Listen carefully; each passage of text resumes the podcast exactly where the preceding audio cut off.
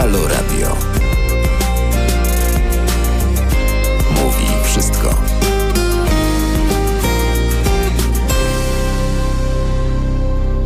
Jest 5 minut po 21.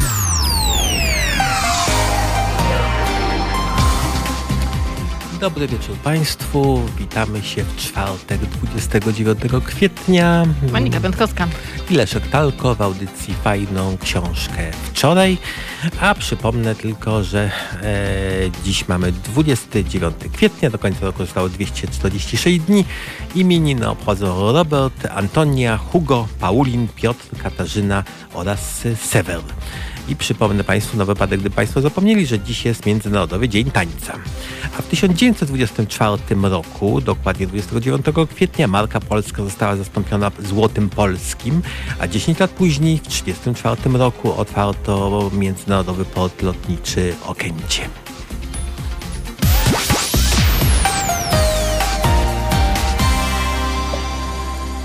Czas płynie, chociaż nie aż tak szybko, jak to by niektórzy chcieli. Jest godzina 21.07. My powoli przechodzimy w tematy książkowe, chociaż Dzień Książki y, troszeczkę nas ominął. Akurat nie mieliśmy wtedy audycji.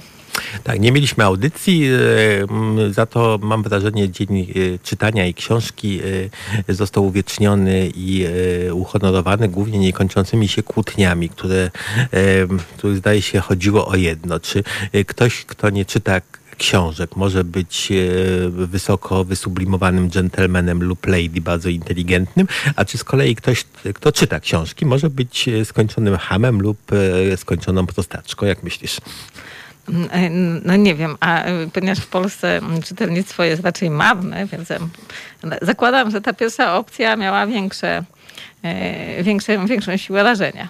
Ale ja tak sobie myślę, że e, może, może po prostu obniżymy standardy. Może nie chodzi o to, mm, czy książki czytamy, tylko czy w ogóle czytamy. Na przykład, czy Państwo e, czytają e, komentarze pod wiadomościami na portalach. Niektóre bardzo polecam, są pełne dowcipu, humoru, takie krótkie formy anegdotyczne.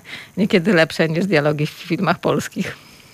Nie uważasz, Leszek, że możemy, możemy uznać, że każdy, kto umie czytać, y, jest po prostu człowiekiem oświeconym gdzieś w okolicach Lady? Ale wiesz co, zdaje się, że już to uznano, bo, y, bo mm, kiedy pyta się ludzi, czy czytali jakąś książkę, y, to nie precyzuje się jaką i na przykład książka instrukcja obsługi, a wiesz, że te bywają grube, mają ze 100 stron czasami. Tak, no to są jak dobre w powieści. Wiesz to, są jak bardzo, e, raczej jak, e, jeśli powieści, to raczej jak Ulisses też, czy też prze, przedziera się przez te 100 stron i za cholerę nic nie rozumiesz. No albo w przypadku y, moim to myślę, że przypominają y, Annę Kareninę, albo ja nigdy jej nie przeczytałam i podobnie dzieje się z instrukcjami, też jej nigdy nie przeczytałam, ale dzisiaj proszę Państwa nasz gość przeczytał książkę z całą pewnością, ponieważ chce nam o niej opowiedzieć, więc zaraz się dowiemy, kim są ludzie w Polsce, którzy czytają książki, ale nie tylko o książce dzisiaj będziemy rozmawiali, dlatego że gość szalenie interesujący, z bogatym życiem wewnętrznym i zewnętrznym, E, tak, i, e, i, w dodatku gość, którego zawsze chcieliśmy poznać. No przynajmniej poznamy go e, przez jego głos, bo z racji pandemii nie mamy go, nie ma go z nami w studio. Ale ja Państwu powiem tak, Państwo też na pewno będziecie chcieli posłuchać. Ja tylko powiem tak. No każdy by chciał posłuchać. Ja też bym chciał posłuchać, gdyby nie to, że będę, będę mówił czasami.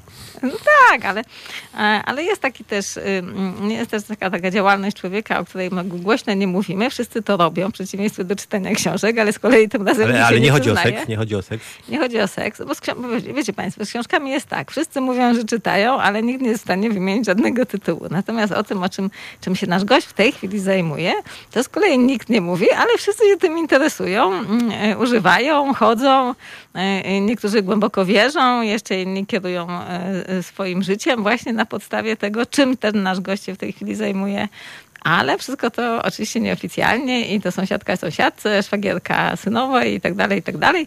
Mm, no, niemniej Państwo będziecie mieli szansę, tak powiem, otwarcie tu i teraz w Halo Radio dowiedzieć się, jak to w tym temacie jest. W jakim temacie? Zostańcie Państwo z nami i się dowiecie po przerwie.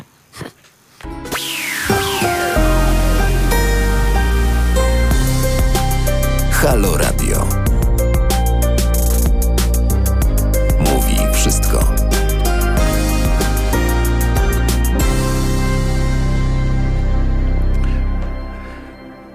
Proszę Państwa, 15 minut po 21. No a my Państwa wypuściliśmy bardzo długim wstępem, z kim to dzisiaj rozmawiamy, a rozmawiamy e, ze znawcą Tarota, z byłym dyrektorem wieloletnim Muzeum Etnograficznego w Polsce.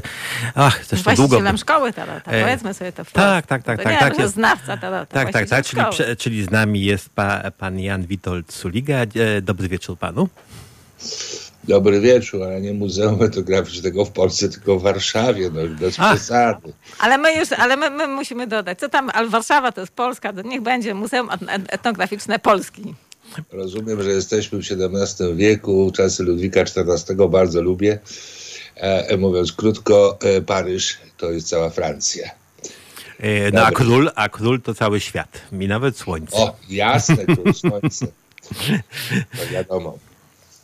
Nie, proszę pana, niech to, to, to może zacznijmy tak po Bożemu, e, po Bożemu, zanim przejdziemy do, e, do wielu rzeczy, e, o których sobie rozmawiałem z Moniką przed audycją, bo brzmiały tak smakowicie i sobie ostrzyliśmy zęby. To może zaczniemy od książki. No w końcu, w końcu, w końcu zaczynamy, zaczynamy od książki. Co, z czym pan przyszedł nawet online? No, to znaczy, ja przyszedłem tak naprawdę e, z dwiema książkami, które te, te, te, ta druga część tej książki jest złożona z kilku książek. O, to dobrze, smakowicie. Bo kiedy, bo kiedy żeśmy się zaczęli umawiać i był właśnie temat pod tytułem jaka książkę ostatnio czytałeś? Otóż ja książkę piszę. Jestem w trakcie pisania książki pod tytułem Tarot, Alchemia i Kabała dotyczy to Tarota Marselskiego. Z racji tego y, moja zakres tej chwili tego, co czytam, czy przeglądam, co jest mi potrzebne do pisania, jest y, jakby porusza się w tym obszarze. A y, jest pośród kilku rzeczy, które leżą na moim stole, no dobrze, że Państwo nie widzicie, jak to tutaj moje Nie, no właśnie szkoda, to... bardzo żałujemy, że nie widzimy. Tak, to właśnie zwłaszcza Leszek bardzo żałuje. Jest to bez wątpienia, y, że tak powiem, bałagan artystyczno-twórczy. Tak, to znamy, y, znamy. Książek tak, tak, gdzieś tam leży po kątach na podłodze, potrafią też leżeć. Ja staram się tego nie czynić. Y, natomiast ponieważ książka dotyczy kodu tarota marsylskiego, który powstaje, mówię o tarocie, ale i o kodzie jednocześnie e, w wieku XVII, a jest to moje ukochane stulecie i takie mam osobiste podejrzenie, a nawet nie tylko podejrzenie, bo przekonanie, że wtedy y, moja szanowna i ukochana dusza przeżywała w jakimś innym ciele swoje doświadczenia oczywiście. O, to koniecznie, koniecznie musimy do tego wrócić. Nie, te, te, tego nie, nie opuścimy. Dobrze, to, to, ale to przyszłość. O, wszystkie to doświadczenia tej duszy wypytamy. Jasna sprawa. Yy, no więc yy, siedzę właśnie w literaturze, która jest związana z, z alchemią i kabałą. E, no bo jest to tarot bez wątpienia i kabalistyczny, i alchemiczny, bardzo przedziwna rzecz, zapisany bardzo spe, specyficznym kodem, który ma, jest wielowarstwowy. W związku z powyższym mam tu kilka tego typu rzeczy, jak na przykład alchemiczne gody Chrystiana Krojca, czy Chrystiana Różokrzyża, bo tak się to też tłumaczy czasami. E, jest to kilka wydań. Akurat mam w tej chwili takie wydanie yy, zrobione, znaczy tłumaczenie dokonane y, w lektorium Rosacrucianum, ale też mam inne teksty. Łącznie no, z oryginalnym czy niemieckim, oczywiście z tym, że no, posiłkuję się nim, powiedziałbym tak e, dość względnie, bo akurat niemieckiego nie znam, a przynajmniej nie na tyle, żeby czytać płynnie. A, czyli, czyli przyniósł, pan, przyniósł pan sporo tekstów źródłowych e, w języku, który nie do końca znamy. Wrzucający się wokół tego, natomiast jest jeden, który, y, którego zdobycie, nawiasem mówiąc, było dla mnie nieproste, ponieważ to wydanie się rozeszło błyskawicznie. Szukałem, szukałem, aż wreszcie znalazłem po dłuższych, e, dłuższym czekaniu i, i, i łowieniu tego, bo kupiłem to, kupiłem to na Allegro, nawet skontaktowałem się zresztą z wydawcą, ale mówi, że dopiero wznowi. Myślę tutaj w tej chwili o monadzie hieroglificznej Johna Dee. Niewielka książeczka, pięknie wydana nawiasem mówiąc, E, na, książka, która jest napisana, w, została napisana przez no, bardzo znaną, znamienitą postać wielkiego maga, myśliciela, alchemika, e, e, no, generalnie rzecz biorąc, e, należącego do kręgu elity ezoterycznej wieku XVI. John, Gill, John Dee żył na przełomie XVI i XVII wieku, zmarł w 1609 roku, z tego co pamiętam. No, który też obierzył kawał Europy, między innymi również był w Polsce, kontaktował się z kilkoma znanymi Polakami, między innymi z Łaskim, który wtedy Y, był taką postacią też politycznie znaną za czasów panowania Zygmunta Starego. Tak czy inaczej, jest to książeczka nieduża, napisana przez Johna Dee w młodości, miał dwadzieścia kilka lat. To niedobrze. W wyniku, z, można powiedzieć, pewnego rodzaju iluminacji, której doświadczył.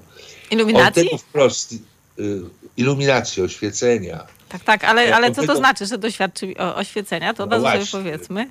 Już, już to mówię. Prawdopodobnie był to rodzaj wizji, on tego wprost nie pisze. W tamtych czasach się o takich rzeczach wprost nie mówiło z uwagi na różnego rodzaju okoliczności, nie tylko związane z inkwizycją, bo akurat w Anglii ona wtedy nie działała, ale działały inne instytucje, które starały się utrzymać rygor myślenia chrześcijańskiego. A to znaczy, że, że, że było łatwiej być takim magiem? E, wie pan, John o, Dee... Nie, nie, zdecydowanie trudniej.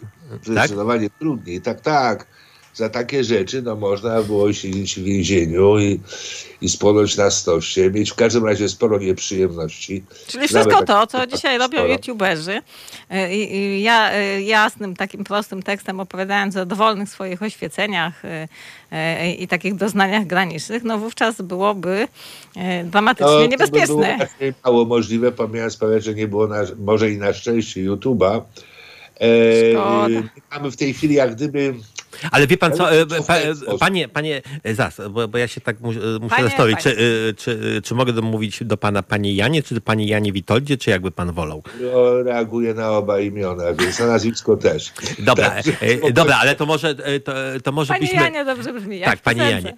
Ale to może byśmy w ogóle zaczęli od początku, bo jak się zaczniemy w, w dywagacje dotyczące średniowiecznych magów angielskich zagłębiać, to słuchacze mogą nie być dostatecznie obznajmieni, to to może, y, to może zaczniemy, y, zaczniemy od początku, kiedy, y, kiedy, pan, kiedy pan złapał w ogóle bakcyla związanego właśnie z tarotem, z takimi tematami, bo, bo przecież A. pisze pan o tym książki no, od, no, nie, nie chcę pana postarzeć, ale od kilkudziesięciu lat. No. Tak, no świętej pamięci że Prokopiuk nawet, nawet nazwał mnie w jednym ze swoich wstępów, a był to znakomity wstęp pisaciel, pisarz, e, no, ale też był tak. znakomity myśliciel, tak oczywiście, nazwał mnie Nestorem polskiego tarota. E, no, y, w pewnym sensie to tak jest. Natomiast pytanie, kiedy, to musiałbym sięgnąć bardzo, bardzo, No to bardzo niech pan daleko. spróbuje sięgnąć. Ba, bardzo jestem ciekawy. Sięgajmy, gdzie wzrok nie sięga. Jasne, dlatego że tak naprawdę, jak sobie w tej chwili patrzę, to myślę, że ja się takimi tak zwanymi dziwnymi rzeczami interesowałem właściwie odkąd pamiętam. Z tym, że. Ale bardziej... odkąd pamiętam, to tak bardziej 5 lat czy 15? No, też 5 lat i 6 lat, dlatego że oczywiście no nie w innej skali, e, dlatego że wtedy miałem pewne doświadczenia swoje, e, wyjścia z ciała, ale jako, jako kilkulatek, właśnie w latach 50. w Polsce stalinowskiej jeszcze? No to, to one były samorzutne, więc to akurat niczego nie potrzebowałem. Wystarczyło, że miałem 37,5 e, gorączki, ja już zaczynałem majaczyć, a następnie wychodziłem sobie z ciała. Przychodziły do mnie dość dziwne istoty, które ja nazywałem balonami. Nie wiem dlaczego, ale takie czułem które mnie zabierały i, i, że tak powiem, żeśmy sobie wędrowali w dziwnych światach, e, które były i bajkowe, i jakieś... No, nawet szczerze mówiąc nie umiem w tej chwili powiedzieć, ponieważ kiedy wracałem e, do siebie, czy do tej rzeczywistości tak zwanej materialnej, to ja sporo rzeczy nie pamiętałem i nie byłem pewien, czy to był sen, czy to była wizja, czy to była jawa. No ja miałem 5, 6, 7 lat, tak? Byłem dzieckiem. Ale rozumiem, Ale- że nie marzył pan e, w, takim razie o tym, żeby jak inni, żeby zostać strażakiem, czy jak to potem, e, troszkę potem jednym z Nie, czterech pancernych. strażactwo mnie nie interesowało, bardziej mnie interesowało to, co nazywamy nauką i pisaniem, dlatego że a, jakieś pierwsze próby moje to już były właśnie od momentu, w którym nauczyłem się pisać. I myślę również, i to była tak, też taka moja intencja, że ja się nauczyłem pisać po to, że y, pisać, nauczyłem się pisać, żeby pisać. Pisać, żeby pisać? Ale o, Tak, e, żeby pisać jakieś książki? opowiadania, bajki, e, wiersze. E, Mówiąc najkrócej, byłem dzieckiem olbrzymiej wyobraźni. Olbrzymiej, gigantycznej. Miałem bardzo taką plastyczną wyobraźnię, co zresztą mi do tej pory zostało. A, I e, ja to chciałem opisać. Oczywiście wiele z tych rzeczy było oparte o jakichś bajkach, które uwielbiałem, czy to Dziadek do Orzechów, czy, y, czy Kubuś Puchatek, to były takie moje ulubione bajki, albo Piotruś Pan. To trochę później. E, Bardzo lubiłem czytać i do tej pory zresztą mam taki zestaw swoich ukochanych bajek, tam między innymi też się znajduje Mały Książę, znajduje się y, Alicja w Krainie Czarów, no to, to była rewelacja, ta jej podróż, te dziwne kraje, to w ogóle Podobna do, do, do podróży, jaką pan przeżył. Tak, tak, tak, to było no, takie, no, to- bo to są takie szamańskie, można powiedzieć, wyprawy. Z ale tym, że- koledzy, koledzy pana nie nienawidzili, bo e, koledzy no, w, tych, nie, tych, ja tych latach raczej pamiętałem. bawili się w Indian i kowbojów, albo Ale ja rzucali- też się bawiłem w Indian i oczywiście, spokojnie. Moja wyobraźnia była zarówno wewnętrzna, jak i zewnętrzna. A ponieważ y, byłem dzieckiem dość samotniczym, poza tym jedynakiem, tak się złożyło z różnych względów, więc ja stworzyłem swój tak, tak, tak naprawdę swój wewnętrzny świat, który się przekładał też na świat z moich zabawek, czyli żołnierzyków, gdzie tam no, takie historie odgrywały się mniej więcej coś w rodzaju e, tego, co pisał Tolkien, tylko nie tak poważnie, nie tak głęboko oczywiście, no bo byłem dzieckiem, tak? E, I tu można by powiedzieć, jakby zrodził się we mnie taki, takie, takie coś się we mnie zrodziło, że jakby go nie pisać, ale żeby to rozumieć. I pierwsze świadome paranormalne doświadczenia, czyli które przeżyłem świadomie, tamte były nieświadome.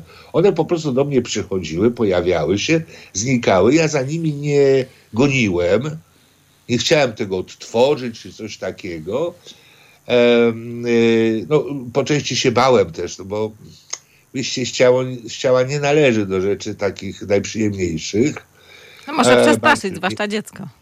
Tak, tak, tak, ale wie pani, y, te istoty, które do mnie przychodziły, one były bardzo przyjacielskie i to mnie jakoś e, dawały mi bardzo dużo takiego właśnie ciepła, miłości, ale też były takie potężne. Ja czułem, że to są jakieś, jakieś silne istoty, ale to, to, jak ja to w tej chwili opowiadam, a właściwie chyba, no może nie pierwszy raz, ale rzadko o tym wspominam i mówię publicznie, to y, teraz y, ja to patrzę przez obecny pryzmat, tak? Mojej pamięci. Wtedy byłem po prostu nieświadomy. Dla mnie to było no, no, naturalne, ja nie wiem, tak jak umycie zębów y, albo, nie wiem, pójście do szkoły. Ale, No wie, ale wie pan, mówienie, to- mówienie o takich rzeczach, mówienie o takich rzeczach, no e, i dawniej i chyba trochę te, też teraz, no ta, takie No powoduje tak. słu- u słuchaczy takie no, lekkie przerażenie, prawda? E, Cu, cóż on mówi? Tak. E, Ale, ale ja się chciałam zapytać, bo tu Leszku przerwałeś, a ja tak czekałam i czekałam. No to E. Koniecznie panie Janie, proszę powiedzieć, kiedy było to doświadczenie, które pan już przeżył świadomie? Bo tamte dziecinne były nieświadome, Tak, a to świadome? Pierwsze, pie- pierwsze świadome takie doświadczenie to miałem lat wtedy 13, No to wcześniej. ale y, y, dokładnie pamiętam datę, bo to był 9 kwietnia sz- 65, jeśli dobrze pamiętam, roku, e, na pewnej górze pod Kielcami, no, gdzie poszedłem z takim moim przyjacielem z dzieciństwa, byliśmy obaj jak e, Olszeterhend i, i Winnetou. E, e, no i wtedy doświadczyłem czegoś takiego, no mogę powiedzieć, moc, która zeszła z góry i wychodziła z, z, z podziemi, która była z jednej strony prastara, a z drugiej strony wiecznie młoda, tak to odczuwałem. Wtedy wielu rzeczy nie wiedząc. Teraz jak znam różne opisy e, i doświadczenia e, powiedzmy alchemików, czy kabalistów, czy potem moje własne jeszcze, no to, to ja wiem o co chodzi, ale wtedy to byłem taki zdumiony tym i wpadłem w euforię, taki rodzaj ekstazy. E, Rysiek, czy ten mój przyjaciel, opowiadał wtedy, że zacząłem tańczyć, ja tego nie pamiętam. E, I, e, I płakałem, śmiałem się, no do tej pory mam takie, jak nawet jak o tym opowiadam, takie dreszcze mam gdzieś w środku. Gdzieś moja podświadomość to bardzo mocno pamięta. E, I mm, pamiętam, że przyleciał kruk, który usiadł na gałęzi takiej, tam była taka, taka brzuska, a i i myśmy patrzyli sobie w oczy i mi się wydawało, że ja rozumiem co on, bo tam coś tam chrumkał pod tym dziobem, krakał, coś takiego tam się działo, a ja to odbierałem tak jakby do mnie mówił, przy czym gdyby ktoś wtedy spytał, o czym on mówi, to ja prawdopodobnie nie umiałbym powiedzieć, ale potem to zaowocowało bardzo potężnym potem wydarzeniu. Ono trwało, mnie się wydawało, że trwa bardzo długo a ono trwało tak w tak zwanym czasie obiektywnym, o ile można powiedzieć, że takowe istnieje, moim zdaniem nie, yy, trwało około pięciu minut.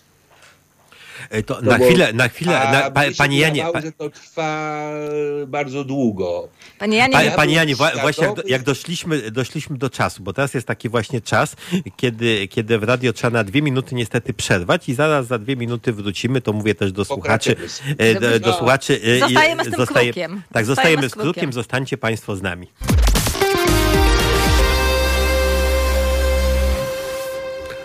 Wracamy już do audycji. Trzy minuty po wpół do, e, po wpół do dziesiątej. A panie Janie, muszę, muszę powiedzieć, e, zacytować e, słuchaczki, słuchaczki. Jedna słuchaczka pisze, pisze na wiadomość, dowiedziawszy się, że audycja jest z panem, napisała tak. O cholera, dziś nie mogę, a kocham Suligę.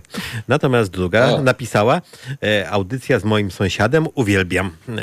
Proszę pana, więc jest pan uwielbiany przez kobiety. W takim razie można powiedzieć, o, przynajmniej na, pokładzie, na przykładzie tych dwóch Ja jeszcze pisów. mam, ja mam jeszcze trzecią kobietę, która pisze tak. Pozdrówcie Suligę ode mnie, a żeby wiedział o kogo chodzi, to powiedzcie, że, e, że córka Doroty Brodowskiej. Pozdrawiamy. Bo pozdrawiam, jasne, o rady. Czyli, y, czyli działa, działa ma, magia, działa, kruk zadziałał, kobiety po prostu piszą rękami i nogami. Zazdroszczę, zazdroszczę, nie tak. mogę powiedzieć. Ja, do, ja doceniam, ale zostaliśmy przy tym kruku, zostaliśmy na, tym, na, na tej górze pod Kielcami. Na kiedy, tej górze, tak, tak która kiedy... miała potem swoją nazwę ale to nie, nie, nie, pozwolę sobie o niej nie powiedzieć akurat. Oczywiście. E, w każdym razie zadziałało to no, muszę powiedzieć, jak lawina, dlatego że ja wtedy jakbym, jakbym nie wiem, w pewnym sensie się urodził, bo już zupełnie świadomie zacząłem grzebać w mitach, w różnych rzeczach, w medytacjach, jakieś na, co ja tam mogłem zrobić? No wtedy to były lata 60., więc e, wszystko to było na oślep robione tak, jak potrafiłem, a mity, legendy i te różne inne symbole, no to, to mnie fascynowało już coraz bardziej. Ale to był e, wszystko efekt tego doświadczenia wtedy z tak, kolegą. Tak, tak, tak, tak. A czy pan tak, o, nim, o nim komuś opowiedział? Poza, tak, poza...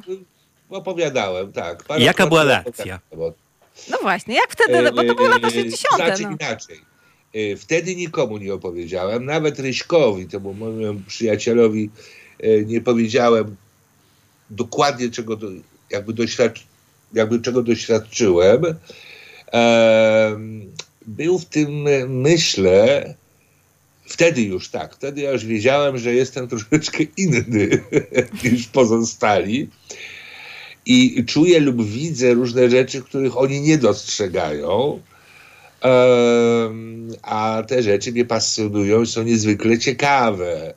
No ale to zaraz, to był pan aż tak samotnym człowiekiem, a czy rodzice wiedzieli w ogóle, jak, jak się, że, że toczy się takie jakby drugie życie y, w życiu ich dziecka? Mówię też jako mama, bo sama mam dzieci i, y, no, i, i to jest ważny no, element tego wtedy, życia. Mnie już wtedy tylko mama wychowywała, bo ojciec mnie zostawił, znaczy nas zostawił. Y, byłem też wychowany przez babcię. E, pewne rzeczy opisywałem, ale wtedy już taką trochę na zasadzie takiej, że to jest jak gdyby wymyślone, ale ja wiedziałem, że to nie jest wymyślone. E, no to traktowały to obie, czyli moja babcia i moja mama, jako taki wytwór wyobraźni. Natomiast nie, nie, nikomu nie opowiadałem. To była taka moja, można powiedzieć, tajemnica. Przy czym ona wynikała. Yy, tak, ja teraz wiem, że ja już się wtedy bałem obśmiania i odrzucenia. No to że jestem dziwić. inny. Że jestem inny. To mnie już parokrotnie wcześniej, jak byłem zbyt szczery, jeszcze przed tym doświadczeniem, jak byłem trochę zbyt szczery, a to było bardzo taka delikatna szczerość, jeśli można powiedzieć, ja nie powiedziałem wszystkiego, no to mnie tam spotkały od strony kolegów pewnego rodzaju, można nazwać restrykcje. E, w każdym razie ja to tak odebrałem.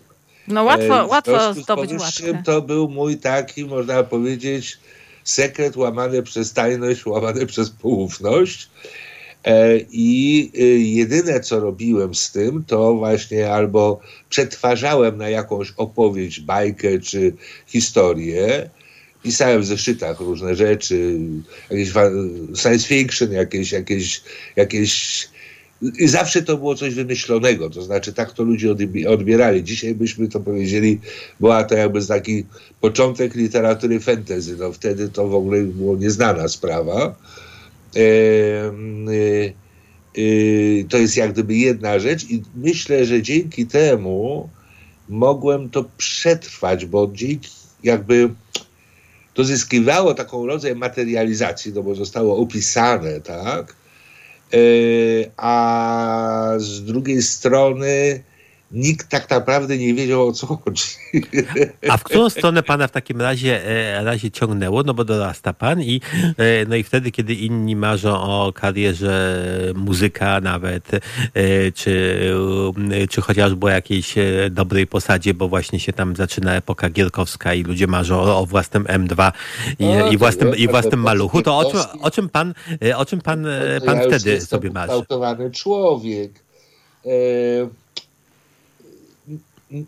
to, co na pewno chciałem, to kontynuować naukę i to naukę w zakresie historii.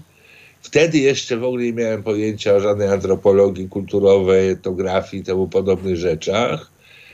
E, I zresztą po skończeniu liceum dostałem się na historię, przez rok studiowałem. E, pasjonowała mi historia, zawsze mnie pasjonowała. E, wcześniej biologia, ale później właśnie historia i bardzo chciałem pracować na uniwersytecie z jednej strony, a z drugiej strony chciałem pisać, chciałem być pisarzem. Chciałem tworzyć. E, właśnie słowem. I y, późniejsze już próby, to już była też i zabawa słowem, to kiedy z, zacząłem rozumieć, że pisząc lub nawet wyobrażając sobie lub opowiadając, e, ja tworzę y, światy że słowo jest, kreuje rzeczywistość i można powiedzieć, każdy z nas, y, operując słowem, słowami, mową, tworzy swój własny wszechświat. No, albo tworzy wszechświat u kogoś drugiego, te słynne manipulacje nacyzów i A, wszelkiego rodzaju psychopaci sprawa. i tak dalej, to właśnie tak, ludzie, ja którzy słowem wiem. tworzą człowiekowi rzeczywistość w taki sposób, żeby on nie był w stanie zrozumieć, że za tym, co zostało stworzone, jest zupełnie co innego. To wszystko się zgadza, co pani mówi, ale i wtedy, jak i teraz zresztą, e, wtedy w ogóle nie myślałem o tej manipulacji, nie byłem tego świadomy, a w każdym razie nie było to dla mnie ważne, a w momencie, kiedy stało się świadome, że ja już wiedziałem, że to można zrobić, no to założyłem sobie bardzo taki, można powiedzieć, ostry rygor, żeby w miarę możliwości, najlepiej jak to potrafię, żeby tego nie czynić, ponieważ widzi pani, ja jestem strzelec zodiakalny, a na ascendencie mam Urana. To jest planeta wolnościowa.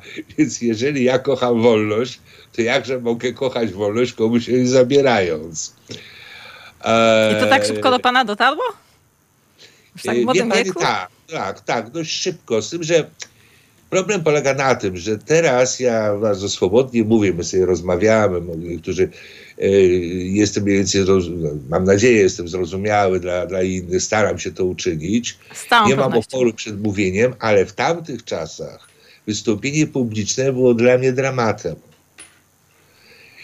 Zacinałem się, czerwieniłem, yy, klucha w gardle i w ogóle napisać tak, ale powiedzieć absolutnie nie.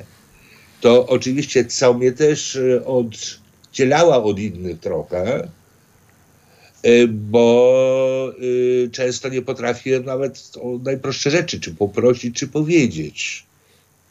A to nic dziwnego. Ja, ja y, prawdę powiedziawszy, odkąd sama zostałam mamą, a tą, tą mamą już jestem jakiś czas, a właściwie obydwoje z Leszkiem jesteśmy nawet mamą Mamami? i tatą.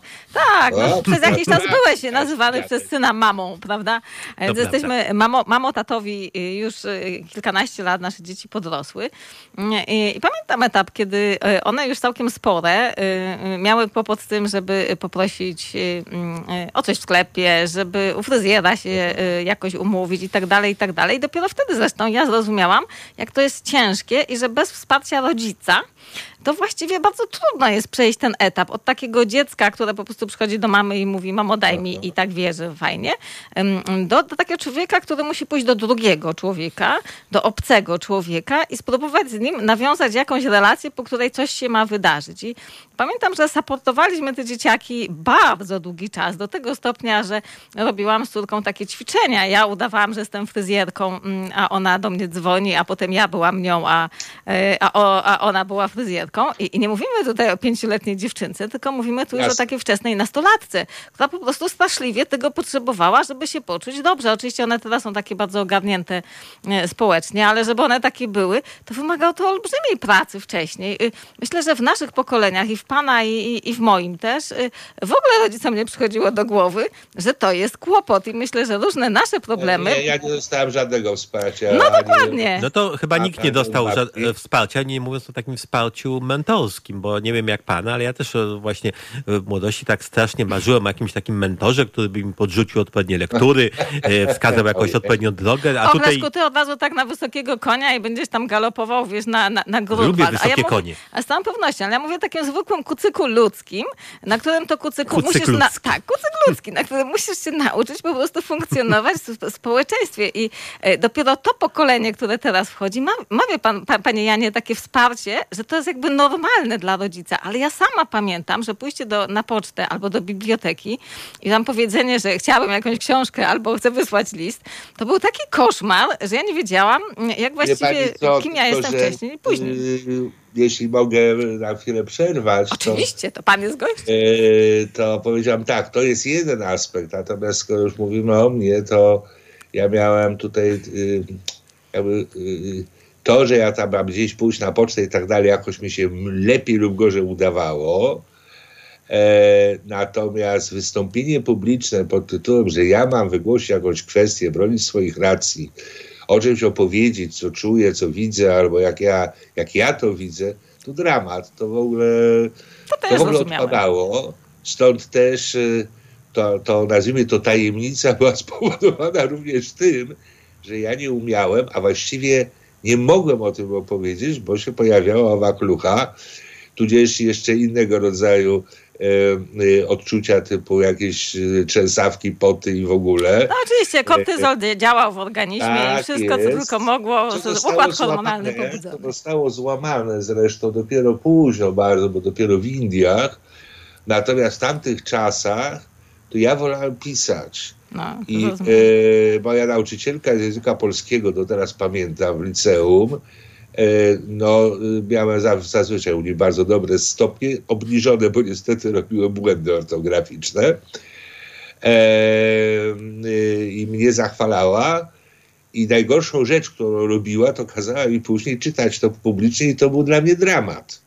Oj tak, to, to była zgroza, przez którą wszyscy przeszliśmy, no, ale, ale niestety, pani, pani Janie, ale, ale, ale mamy niestety następny punkt programu, który, którym musimy się na parę minut wyłączyć i wrócić za pięć minut, albo nawet cztery. Zobaczymy, co nasza realizatorka na to powie, dobrze?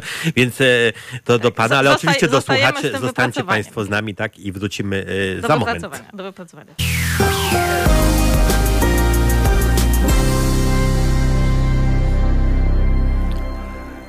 Za 10 minut 22, no i proszę, czego się tu dowiadujemy, że... No, ale że, przypomnijmy go, e, naszym słuchaczom e, fajną książkę teraz. Naszym gościem jest nie kto inny, tylko e, Jan Witold Suliga.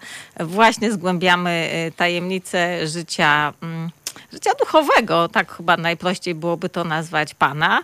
E, I to w czasach, kiedy chyba nikt w ogóle o tym nie słyszał w Polsce i po- podejrzewam, że nie byłoby Nie, no nawet z bez kim przesady, rozmawiać. słyszano, słyszano. Tak? Jest tak, aż oczywiście. Było jakieś podziemie takie, no bo... Nie, No bo teraz to jest bo czasy temat. nie, czasy nie były takie, żeby sprzyjające, powiedzmy. Podziemie to tak naprawdę, z tego co ja wiem, to się zaczęło tworzyć y, na przełomie lat 70., 80., ale ja nie miałem kontaktu, a, ponieważ też i mieszkałem wtedy w tak zwanym mieście Łodzi i, i tak jak wspomniałem, byłem bardzo takim ksobnym człowiekiem, czyli takim zamkniętym w sobie, choć sprawiającym wrażenie bardzo ekspresywnego, bo zawsze taki byłem również. E, ja sobie rozwiązałem moje problemy komunikacyjne bardzo prosto. E, mianowicie ja to nazywałem włączyć tryb, czyli włączyłem, włączałem tryb na przykład zdaję egzamin albo e, czytam referat albo cokolwiek innego i wtedy jakoś mi szło, tryb się kończył, ja najchętniej temu uciekł. E, No i co zresztą się zdarzało. E, więc jakoś to rozwiązałem, natomiast byłem cały czas zanurzony w słowie, no ale też pojawił się, pojawiły się karty tak w moim życiu, a one się pojawiły dość wcześnie, dlatego że moja babcia, w której mieszkałem zresztą dwa lata w Kielcach, e, nie była zawodowo wróżką, ale kładła karty, tylko te klasyczne, zwykłe. I ja jako tam 9-10-letni berbeć, chłopak, siedziałem przy niej i tam e, z nią, że tak powiem, ona liczyła, tutaj to, a tutaj to, a ja z nią jak gdyby to obserwowałem. E, a przychodziły do niej jakieś sąsiadki, które wydawały się wtedy dorosłymi kobietami, a pewnie miały, po, nie wiem, po 15-17 lat, coś takiego. Ale, ale tak przyjmowała je normalnie i brała pieniądze, nie, czy, to- to czy, przyjmowały, czy, czy przy, przynosiły jakieś produkty żywnościowe? Czy tak po Nie. prostu z dobrej woli? Na, na, jakiej to zasadzie? Babcia zawsze mówiła, a, bo ona jest nieszczęśliwa, to jej pomogę. E, nie, nie, nie, nie, babcia nie była zawodowo wróżką, ale w każdym razie kładła karty i te karty były takim dla mnie, wow, to ja je bardzo lubiłem i e, najpierw bez jej zgody, a potem za jej zgody bawiłem się nimi. E, tam robiłem wojny, jakieś układałem sobie i tak dalej. I kiedy opuszczałem ją, bo mama zabrała mnie do, do, do Łodzi, e, poprosiłem, żeby mi je dała i one pojechały ze mną. No i oczywiście te karty, no to tam służyły do różnych celów, e, też do gry w pokera, e, między innymi, e, bo też miałem takie przygody, ale oczywiście to wszystko było bardziej zabawą. Ja, nie, ja w ogóle nie mam ha, hazardisty. E, no i do pewnego momentu, a był to obóz harcerski, miałem wtedy chyba 17 lat. No i na tym obozie harcerskim była dziewczyna, którą nazywaliśmy najładniejsze nogi w obozie. No faktycznie miała rewelacyjne. No i tam chłopaki, wiadomo, no wszyscy chcieli się z nią umawiać, ale ona była bardzo wybredna, więc ja puściłem Wici, że umiem kłaść karty. Oczywiście w życiu tego nie robiłem samodzielnie.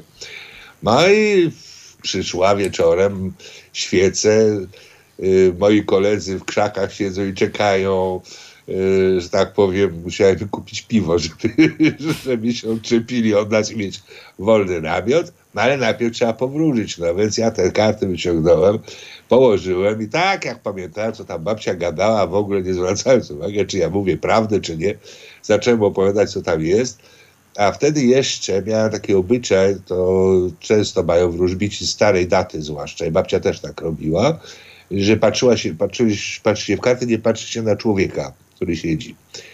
A pewne doświadczenie, które później miałem, oduczyło mnie tego, było dość dramatyczne. W każdym razie wtedy jeszcze tak robiłem, no i powiedziałem co swoje, podniosłem, patrzę, a najpiękniejsze nogi obozu ma oczy okrągłe jak, jak dwa talerze i z krzykiem prześwietliłeś mnie, wypadła z namiotu i tyle było z randki. E, e, no, więc... e, Czyli no, jednak się zgadzało. Ale cóż takiego Y- pan powiedział strasznego, że... nie pamiętam, nie, nie pamiętam. Naprawdę nie pamiętam, tylko wiem, no, znając jej późniejsze życie, no to no, miała bardzo dramatyczne. E, ale to już jest inna sprawa. I to tak jakby można powiedzieć, pierwszy raz powierzyłem samodzielnie. Ale ja podchodziłem do tego z olbrzymim dystansem. Nigdy nie chciałem być wróżbitą czy coś takiego. Lubiłem karty, tak jak powiedziałem. One mnie frapowały, ale, yy, ale nie, ale bardziej mnie interesowała wiem, alchemia, yy, mistyka, taoizm, o takie to już jak byłem no, już człowiekiem na studiach, tak, bo wylądowałem w końcu na etnografii, zresztą mając indywidualny stok studiów i studiowałem trzy kierunki naraz. E, potem Indie się pojawiły. Zaraz, to przed tymi Indiami znowu się musimy zatrzymać, bo, bo, bo w radio trzeba puszczać piosenki i to jest znowu niestety ta pora. Ale dlaczego Więc... niestety? Aha. Zostawmy słuchaczy tak, tak, tak. w, tym, takim I zaraz stanie napięcia. To tak jak się jak macie jakąś hinduską, to by było fajne. E, mamy hinduską, Olu? E, to my sprawdzimy, czy mamy hinduską. Państwo okay. zostają z nami, e, pan tak. również zostaje z nami i wracamy już e, jak, do jak, Indii. Jak, jak, w serialu. Ten odcinek tak. się kończy Czasem tak, słońce, że... czasem deszcz. O, na przykład. Piękny film. Piękny, piękny. film, tak, piękny. Nie znam. My też. Halo Radio. Mówi wszystko. 5 minut po 22.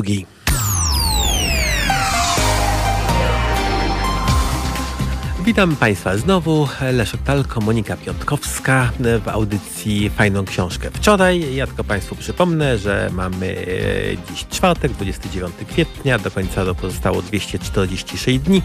Imieniny Roberta, Antoni, e, Hugona, Paulina, Piotra, Katarzyny i Severa. I obchodzimy dzisiaj Międzynarodowy Dzień Tańca. A w 1924 roku marka polska została zastąpiona złotym polskim, natomiast w 1882 w Berlinie przedstawiono widzom pierwszy na świecie trolejbus.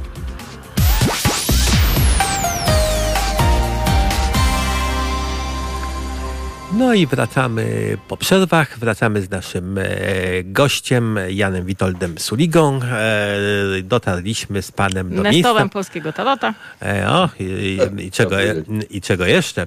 Dotarliśmy do momentu, kiedy wyrusza pan do Indii, a przynajmniej przygotowuje się do tego momentu. I skąd no, to się wzięło? Skąd te Indie wtedy, w tamtych ja czasach? Jestem człowiek, człowiek księga, no to niech będzie. E, w każdym razie, skoro już o tym mówimy, to, to e, ja mówię, to ta orientalna mistyka mnie wtedy bardzo, bardzo w tamtych czasach fascynowała i zarówno strony lektury, jak i różnych praktyk. Na ile tam mogłem to zrobić, zresztą wtedy się na chwilę przeniosłem do Warszawy. E, potem znowu wróciłem do Łodzi. E, to jest trochę takie zapyziałe, bardzo je lubię, ale trochę zapyziałe miasto niestety. Ale była też grupa ludzi, którzy się Indiami interesowały. Mieliśmy takiego swojego mentora, e, który nam bardzo tam pomagał w tym. Uczyłem się sanskrytu, no i e, w pewnym momencie swojego życia to było tak początek lat 80., e, dokładnie czasy pierwszej Solidarności. E, jeszcze trochę przed e, wpadłem na pomysł, żeby robić doktorat. No i w Indiach oczywiście, do którego zresztą wcześniej jeździłem. A, I pojechałem na stypendium indyjskie. Yy, miał być rok, to potrwało trochę dłużej, bo sobie przedłużyłem. Gdzie zebrałem materiały do doktoratu. I tam przełamałem, nawiasem mówiąc, tą moją właśnie nieumiejętność publicznych wystąpień. E, po prostu zostałem zmuszony do takiego wystąpienia, to jeszcze w języku angielskim, przez wszystkimi studentami, profesorami e, Ranchi University, e, gdzie właśnie, bo w Ranchi byłem, to jest w tej chwili stolica stanu Jharkhand, wtedy jeszcze tego stanu nie było. Jeden z największych instytutów antropologii kulturowej w Indiach i jeden z najbardziej znamienitych, nawiasem mówiąc.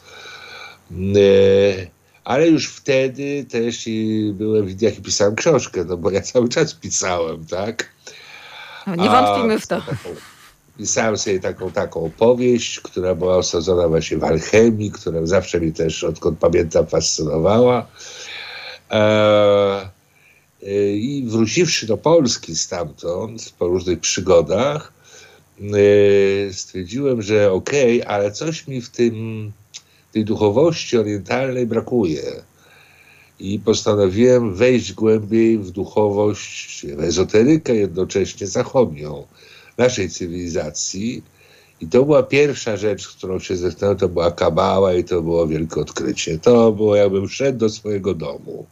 Ale to wie, wie pan co, to, to z kabałą może chwilę zaczekajmy, bo za minutę znowu będziemy e, musieli zrobić przerwę. Wie pan, jak to jest, e, jak to jest w radiu, ale ja bym ta, tak jeszcze tą minutę poświęcił, e, poświęcił na te Indie, bo się tak wynieśliśmy z nich, wynieśliśmy z nich błyskawicznie, a rozumiem, że przecież to też musiał być jakiś szok kulturowy, wyjechać z tej gierkowskiej tak, Polski, z tych strajków i siedzieć sobie w Indiach. Ja jeździłem jeszcze wcześniej, bo w latach 70. E, i z marszu pokochałem ten kraj, bo ludzie, którzy przyjeżdżają do Indii, to się dzielą na takie dwa kategorie. Jedni z marszu nienawidzą tego kraju, nie cierpią z uwagi na różne rzeczy, e, a drudzy się zakochują i należą do tej drugiej kategorii.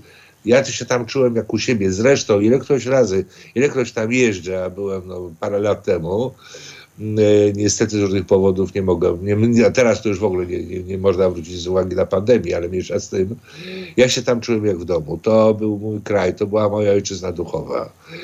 E, nie w sensie nawet samej duchowości, takiej tradycji duchowej, chociaż również, ale ja jestem dość wrażliwy na energetykę miejsc. I w Indiach czułem się tak, jakbym podam po prostu jak, jak ryba, która została wypuszczona do wody. Rewelacyjnie. Mimo tego tłoku, mimo... Mimo tłoku, ja, wie pani, ja przyszedłem tam dramaty w tych Indiach, to tam tłoki i inne rzeczy. A dramaty, czyli?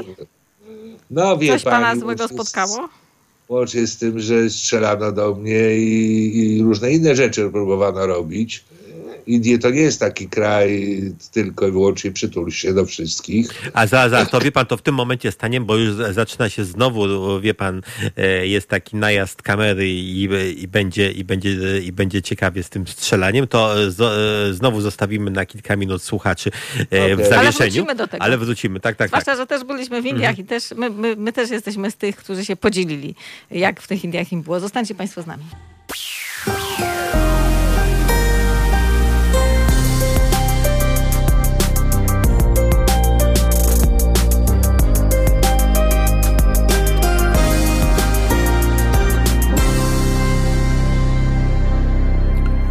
Piętnaście minut po 22 wracamy do rozmowy, którą przerwaliśmy. Tak, w najbardziej tak, dramatycznym momencie, kiedy, kiedy strzelba gość... była zawieszona i jeszcze nie, nie wypaliła. Już wypaliła, bo już było, że strzelano. Panie Janie, dlaczego do pana strzelano w Indiach? ja mieszkałem na terenie mm, obecnego stanu Jharkhand, to jest południowy Bihar. To jest, można powiedzieć, taki dziki zachód Indii a najbardziej, jeden z najbardziej takich y, biednych rejonów, zamieszkałem przez plemion i zresztą mieszkałem wśród plemion. To nie są te Indie takie, które się zwiedza zwyczajnie gdzieś tam chodząc po New Delhi albo Varanasi, czy, czy Kalkucie, czy tam jak Madrasie. To jest interior, to tu rządzą inne prawa a, a jeszcze zwłaszcza, że tam były te grupy plemienne, to są najbardziej pierwotna ludność indyjska, której, o której zresztą potem napisałem doktorat tak, z, tego, z tego tematu. E, no i e, mówiąc najkrócej, próbowano mnie porwać. E, dla okupu, albo prawdopodobnie tak, to sądzę, bo tak robiono. E, no, ale się nie udało, bo uciekłem. Kiedy uciekałem, to usłyszałem, że za mną strzelają, ale szczerze mówiąc, to ja nie za bardzo się oglądałem, żeby patrzeć, co robią, tylko chodziło o to, żeby jak najszybciej stamtąd zwiać. A tudzież byłem w tym czasie akurat, kiedy zabito, zamordowano Indirę Gandhi. A, no i y, były pogromy Sikhów. Jednego między innymi z nich ukrywaliśmy, bo to jeszcze jeszcze, bo ja byłem przez jakiś czas z moją pierwszą żoną tam, e, ona potem wróciła, ja zostałem e, i e, no to były takie dość dramatyczne historie, dlatego, że tłum, który mordował Sikhów, a dlaczego mordowali Sikhów? Bo Indira Gandhi została zabita przez swoich ochroniarzy, którzy należeli właśnie do grupy Sikhów. Więc zaczęły się pogromy Sikhów i to, co widziałem, na szczęście niewiele, no to samo w sobie już było przerażające. No i przyszła grupa pijanych mężczyzn, to, to grupa. Tłum przyszedł, którzy szukali takiego jednego, który siedział ukryty. A taka brutalność e, Indii nie zaraziła pana właśnie? No bo, bo tam te, ta, no, tej brutalności jest sporo. To, y, tak, to jak już opuszczałem Indię, to trochę z nich uciekałem. Y, natomiast y, Odpowiem jak Hindus trochę. That's India, to są Indie. Indie są bardzo specyficzne i albo się je pokocha w całości, albo się w całości je znienawidzi. E, ja je kocham w całości, nawet takie jakie są, chociaż zdaję sobie sprawę, że tam są, no dzieją się okropne rzeczy, e, no ale no tak to po prostu tam jest. Co nie oznacza oczywiście, że ja akceptuję te okropne rzeczy. Nie, nie, nic tych, nie, nie to nieprawda. Y, no tym niemniej no, miałem tam dość takie trudne doświadczenia, ale miałem też i piękne doświadczenia. Jako, że będąc wśród właśnie plemion, też spotkałem się z ich niż, no, można by ich nazwać szamanami, tam akurat jest inna nazwa tego typu, dla tego typu ludzi, no, którzy mi tam różne rzeczy pokazali, tudzież z nimi sobie obcowałem, byłem, e, nawet u jednego z nich mieszkałem przez pewien czas. E, z jednej strony będąc tym etnografem, antropologiem, który tam bada, sprawdza, rysuje, fotografuje, zapisuje, czyli jest taki naukowy, e, a z drugiej strony będąc człowiekiem, który chłonie to wszystko, ponieważ właściwie od dzieciństwa traktowałem życie trochę jak przygodę. E, jest we mnie sporo Piotrusia Pana od tej strony. Mianowicie zobaczymy, co będzie dalej. Nawet śmierć jest przygodą.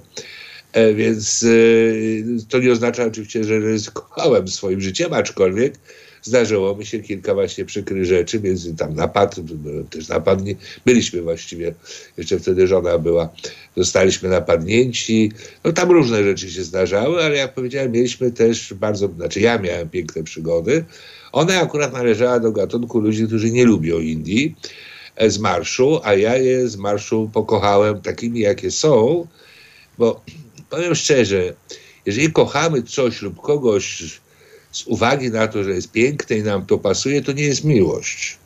Miłość jest wtedy, jeżeli kochamy kogoś takim lub coś, e, takim jakim jest.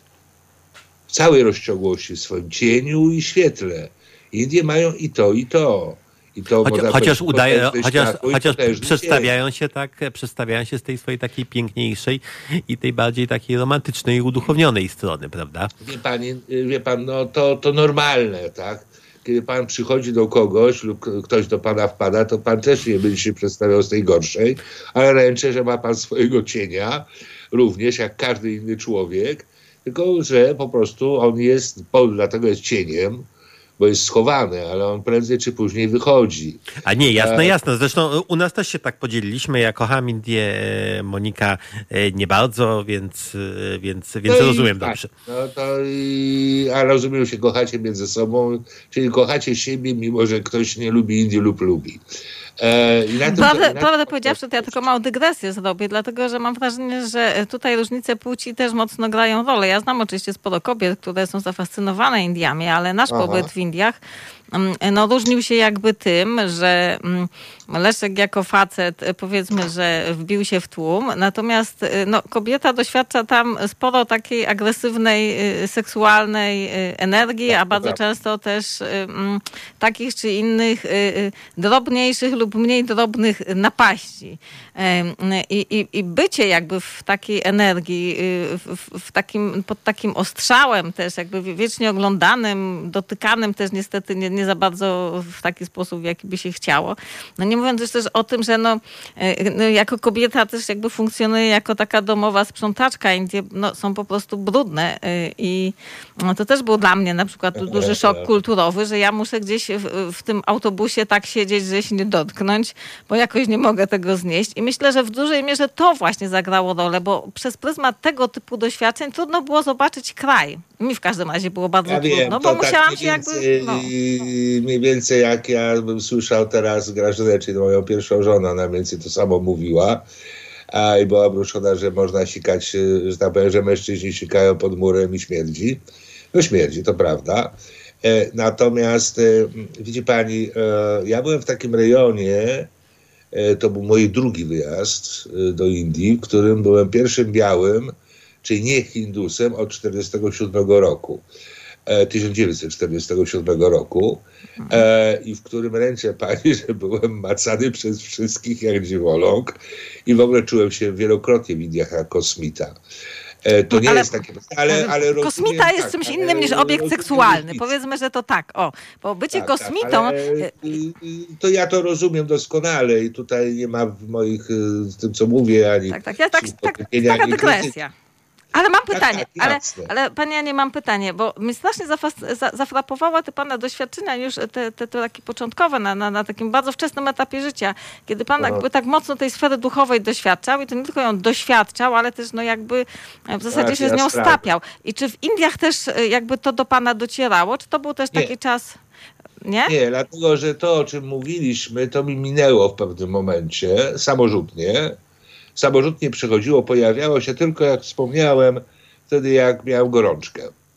Eee, wystarczył stan podgorączkowy, ja byłem nieprzytomny i zaczynałem mieć właśnie te doświadczenia się pojawiały.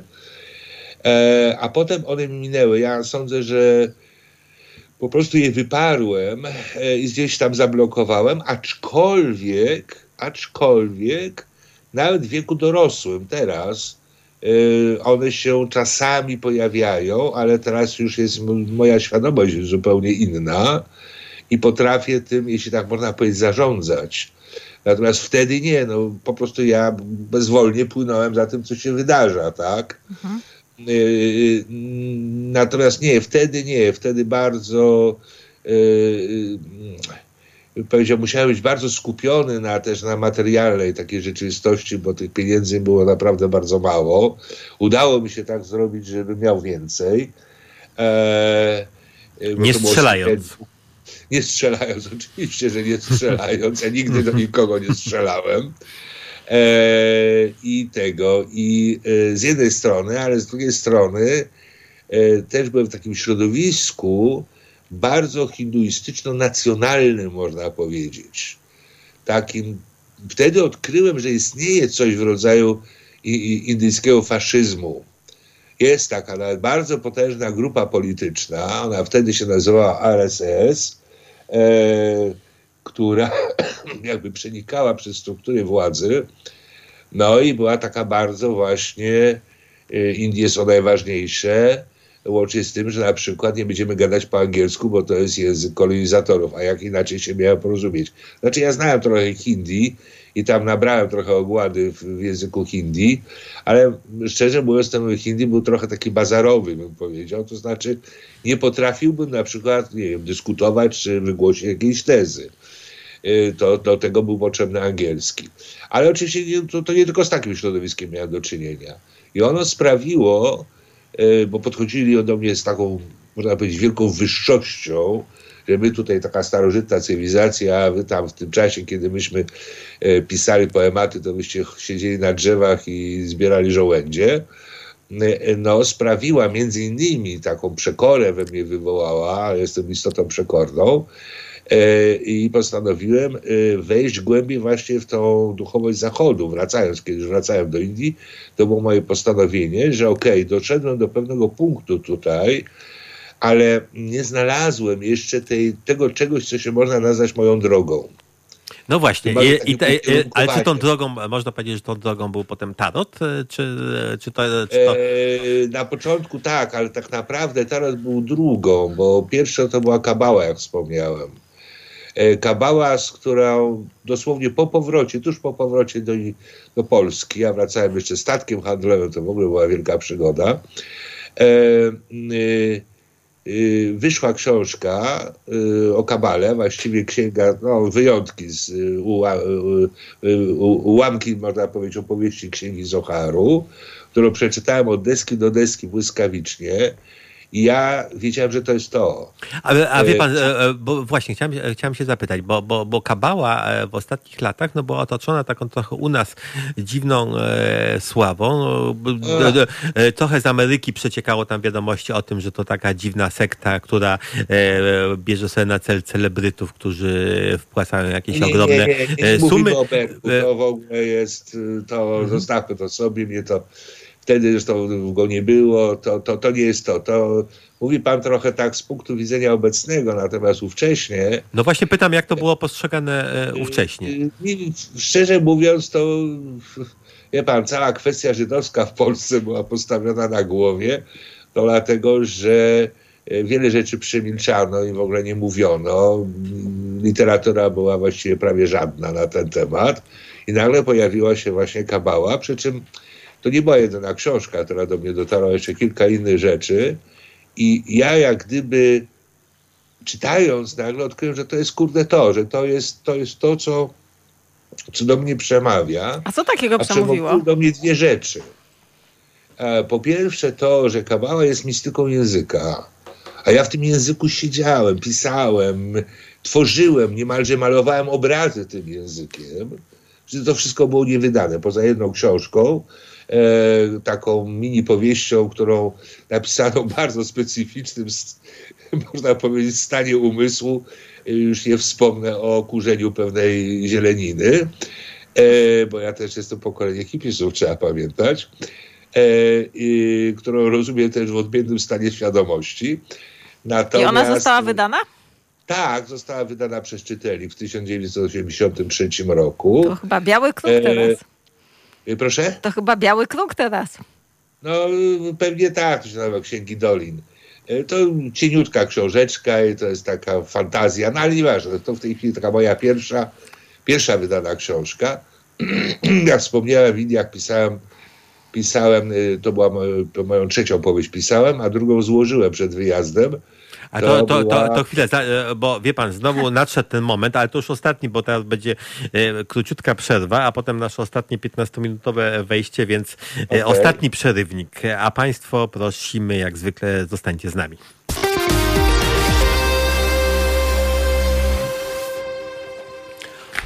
No i przerwa nie była długa. Ostatnie nasze wejście, bo no, jeszcze mamy 13 minut. Przypomnijmy, że naszym gościem jest Jan Witold Suliga. I panie Janie, i panie Janie bo, bo, ponieważ e, zostaliśmy trochę w tych latach 80., a mamy już ostatnie wejście, bo to, to niby tak się mówi, dwie godziny, a tutaj jak zeszło, prawda? E, to, to, to, to, to tak. chcielibyśmy przeskoczyć e, jednak, bo, bo tak to nijak nie dojdziemy do czasów współczesnych, a strasznie mnie interesuje, strasznie mnie interesuje, interesuje i słuchaczy zapewne e, również. E, wie pan, jak, e, jak wygląda ta sprawa z tarotem, z pana szkołą? Jakby dzisiaj, kto przychodzi na te kursy? Czy to jest jakieś ob, o, oblężenie? Czy, czy, czy można zostać, widziałem, że one się stopniują, są podstawowe, średnie i, no tak. i wyższe. Czy potem ludzie na tym zarabiają? Czy robią to dla siebie? No wie pan, milion pytań po prostu. Zacznijmy od tego, zacznijmy od tego, wie pan, jak to, czy jest to działalność hobbystyczna, czy biznesowa? E, to ja może troszeczkę inaczej powiem. E, zacznijmy sobie od tego, że starotem jako kartami zaczynałem w 1987 roku, kiedy pojechałem do Szwecji chciałem go już kupić, nie wiedząc w ogóle o co chodzi. I kupiłem, to był tarot marsylski, przeglądając go doznałem déjà vu, ja wiedziałem o co chodzi. Takie jeszcze jedno, jaka jest następna karta, znałem ten tarot doskonale, chociaż właśnie pierwszy raz go widziałem na oczy. E, to jedno z takich moich para nie, niezwykłych, gdzie można powiedzieć, doświadczeń. E, ja już wtedy wróżyłem zwykłymi kartami w Szwecji zawodowo. Po prostu no, pracowałem na czarno. Jak jako to tarocista? Wcześniej. Słucham? Jako tarocista? Na czarno pan pracował? Tak, jako no, pracowałem na budowie, pracowałem tam w różnych firmach, a wieczorami miałem taką dziewczynę, e, która była jednocześnie moją kochanką e, i która była taką też menadżerką i ona mi nagrywała klientów. I tłumaczyła pana, czy pan, czy pan poznał Nie, nie, nie, to była Polonia. A. To była Polonia, także nie było problemów językowych od tej strony. A także wróciwszy, to był 87 rok, wróciwszy do, do Polski, ja już, e, można powiedzieć, stałem się takim wróżbitą, przy czym ja nie chciałem być zawodowym wróżbitą, to było na, na zasadzie takiego pewnego dodatku. E, I w tamtych czasach nie lubiłem zresztą wróżyć. Natomiast e, pojawiła się okazja i napisałem wtedy pierwsze moje książki o tarocie. E, to jest tarot karty, które wróżą i Biblia Szatana, czyli dzieje kart tarota. No i wszedłem w tarota bardzo głęboko. I właściwie od tej pory tarot i ja idziemy sobie razem, aż do chwili obecnej. Po drodze mieliśmy różne przygody ze sobą. E, także były takie momenty, kiedy go w ogóle odrzucałem, a, a potem on wracał do mnie. No i ostatecznie tak zostało, ale wreszcie również się spogodziłem z tym, że może nie zostanę wielkim pisarzem, czy w ogóle pisarzem, ale że jestem, jestem wróżbitą e, również. To nie jest oczywiście moje jakieś jedyne zajęcie, bo ja, Państwo byli uprzejmi powiedzieć na samym początku, byłem też i szefem muzeum i tak dalej. Ja jakby łączę w sobie i, i zainteresowania naukowe i te ezoteryczno-magiczno-okultystyczne. E, I one tworzą w, moim, w mojej duszy, w moim, w moim wnętrzu jedną całość. To nie ma jakiegoś podziału. No, yy, zacząłem zgłębiać i właściwie zgłębiam tego tarota do tej pory. E, Krzysztof Azarewicz, jeden z moich uczniów, a jednocześnie wydawca, e, znakomity i świetny też znawca tarota, zwłaszcza z obszaru e, tradycji crowleyowskiej, kiedyś mi powiedział, że on mnie podziwia za jedną rzecz, że ja ciągle w tarocie coś odkrywam i to jest prawda. Nawet teraz pisząc książkę o tarocie, czyli tarot y, Alchemia Kabała, Alchemia i Kabała, cały czas nim coś odkrywam. To jest, można powiedzieć, y, język, język y, hmm, piktograficzny, obrazkowy, a jednocześnie język. Słowo, czyli słowo, a to jest y, coś, co mnie zawsze fascynowało i dlatego również zafascynowała mnie kabała, która jest mistyką słowa. A w jaki sposób karty mówią? Czy one mówią dlatego, że to one mówią, czy potrzebny jest do tego nie, no, do, dobry interpretator? Jak pani sobie położy kartę przed sobą, to raczej karta nie ma wargi i, i, i krtani, żeby mówiła, to my mówimy. One działają na naszą wyobraźnię, na naszą intuicję, działają na pewno środki, które można nazwać jasnowidzeniem. Ale trzeba, mieć, to, trzeba mieć tą wyobraźnię i intuicję, czyli nie każdy y, pewnie może y, to widzieć, zobaczyć. Y, znaczy każdy może popróbować być lekarzem, ale tylko ci, którzy mają zdolności ku temu będą prawdziwymi lekarzami. To jest dokładnie to samo z tarotem. E, albo się to ma, albo się tego nie ma. I to, że się nie ma, nie jest się, nie jest się gorszym od tych, którzy to mają, tak? Ja mam.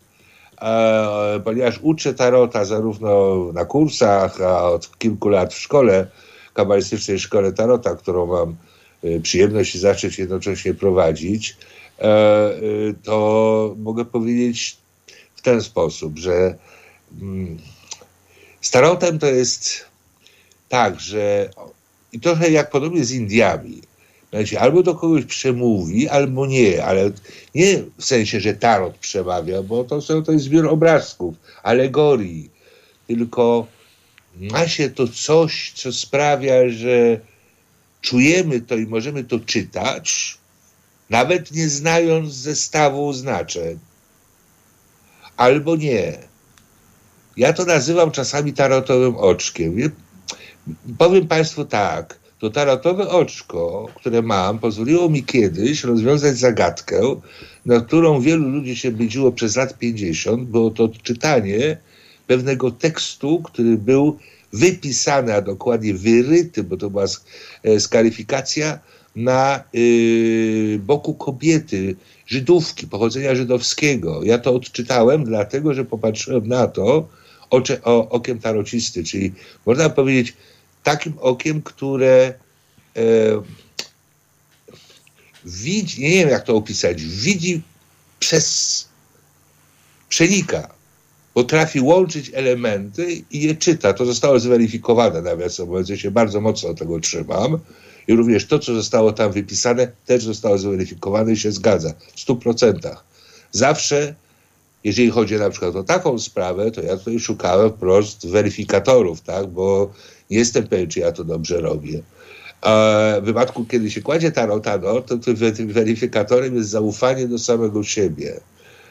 A zajmowanie się tarotem jest e, czynnością cholernie odpowiedzialną, bo można ludziom zamontować różne chipy mentalne i naprawdę zmanipulować. To pani wspomniała w pewnym momencie, że słowo może manipulować. O tak, oczywiście, że tak. Dlatego trzeba się trzymać, można powiedzieć, pewnych żelaznych wręcz reguł, takich moralnych, ale nie w znaczeniu jakiegoś dekalogu czy coś w tym stylu, tylko takie, takie zasady, żeby nie odbierać komuś wolności. A nie wiem, czy pan, czy pan, czy pan ogląda, bo jest mnóstwo kanałów na przykład poświęconych tarotowi na, na, na YouTubie e, i mnóstwo ludzi się tym, e, tym zajmujących. No i na przykład ciekawe, czy, co oni robią. Czy to jest, band, e, czy to jest banda takich... No i banda zaraz od No banda, nie no banda. No, no grupa ludzi... Grupa. Grupa, grupa amatorów, czy też, czy nie też, wiem. nie wie pan? Mm, ja po pierwsze nie utrzymuję kontaktów z, z, bardzo mam niewielkie kontakty ze środowiskiem tak zwanym ezoterycznym i wiem, że jestem w tym środowisku znany i panują na mój temat różne opinie, nie tylko chwalebne. Eee, natomiast ja trzymam dość taki wyrazisty dystans, ale nie z tego powodu, że uważam się za kogoś lepszego, tylko po prostu szczerze szkoda mi za to czasu mam za dużo w życiu do zrobienia, żeby jeszcze zajmować się ludźmi, e, ludźmi, którzy nie potrzebują pomocy. Bo jeżeli ktoś przyjdzie do, do mnie o pomoc, to się nim zajmę, to oczywiste. Natomiast e, mnie to nie interesuje, tak samo nie oceniam, choć widzę oczywiście różne tego efekty, bo trafiają do mnie również ofiary takich ludzi. E, Co to znaczy ofiary? Ofiary, no po prostu no, gdzieś tam chip został za, za, za, zamontowany, tak zwana samospełniająca się przepowiednia, tam różne rzeczy mogą być. Czyli ktoś usłyszał coś e. złego, został pozbawiony jakby nadziei i w jakimś sensie troszeczkę tak zahipnotyzowany. Yy, psychika ludzka jest bardzo plastyczna i tam można dość łatwo zamontować różne rzeczy. Oczywiście zależy od człowieka. Niektórym jest trudniej, niektórym jest łatwiej. E, to zależy od różnych programów i różnych innych rzeczy, które mają w Absolut, sobie. Absolutnie, panie Janie, się zgadzam. Jakby nie było, jestem hipnoterapeutką, więc...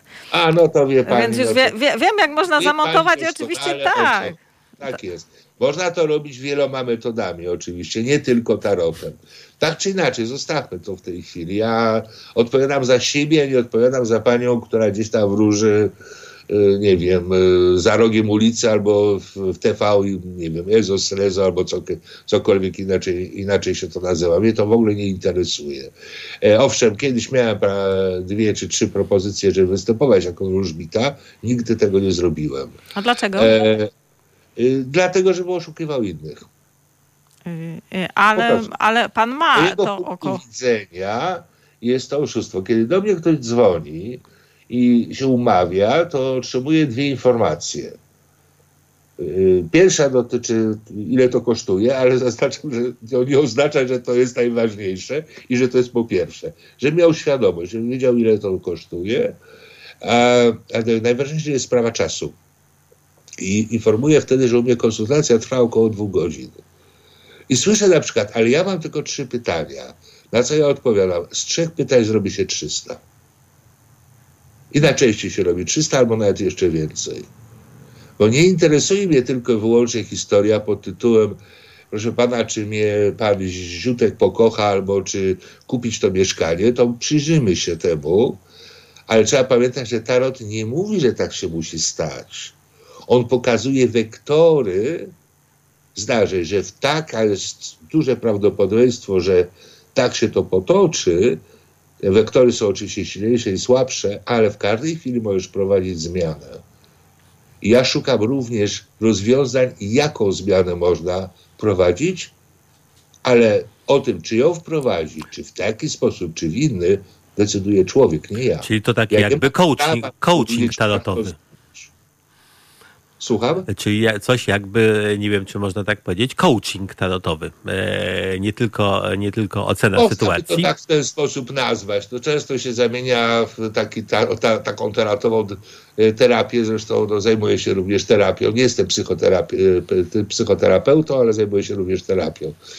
E, także często się tak, to jest taki, można powiedzieć, tak, tak coś w tym stylu. Tak, trochę coaching, trochę terapia, to zależy jaka jest sytuacja.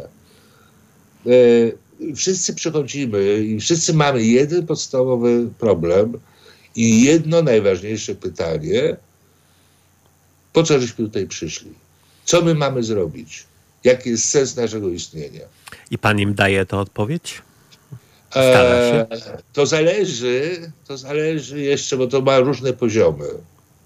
I często się zdarza tak, że ktoś przychodzi i mówi, wie pan, utknąłem, nie wiem co ja mam robić. Szukamy rozwiązań i patrzymy. Czasami taką odpowiedzią jest y, najprostsze, tak? Pokochaj tego ziutka. I to nie oznacza, że to jest najważniejszy cel, ale w tym momencie to jest dla ciebie może być najważniejsze. Ja mam też spo, ja mam zaufanie do swojej intuicji i mam zaufanie, jeśli tak można powiedzieć, do tarota, przy czym nie traktuję tarota jako istoty jakiejś żywej czy coś w tym stylu. To wszystko dokonuje się poprzez mnie. Przeze mnie.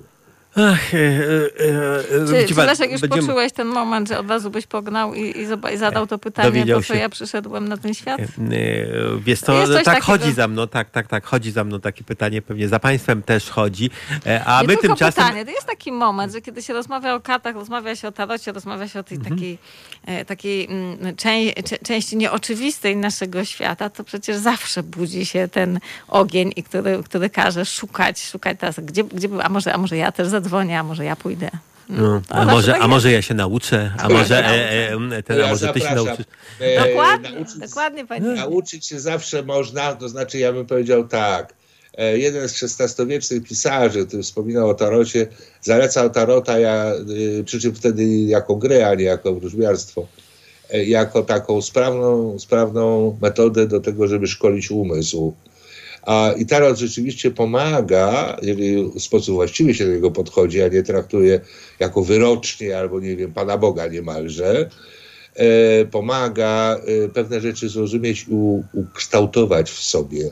Tarot działa z jednej strony na wyobraźnię, intuicję, a z drugiej strony działa na tą stronę analityczną, czyli na umysł.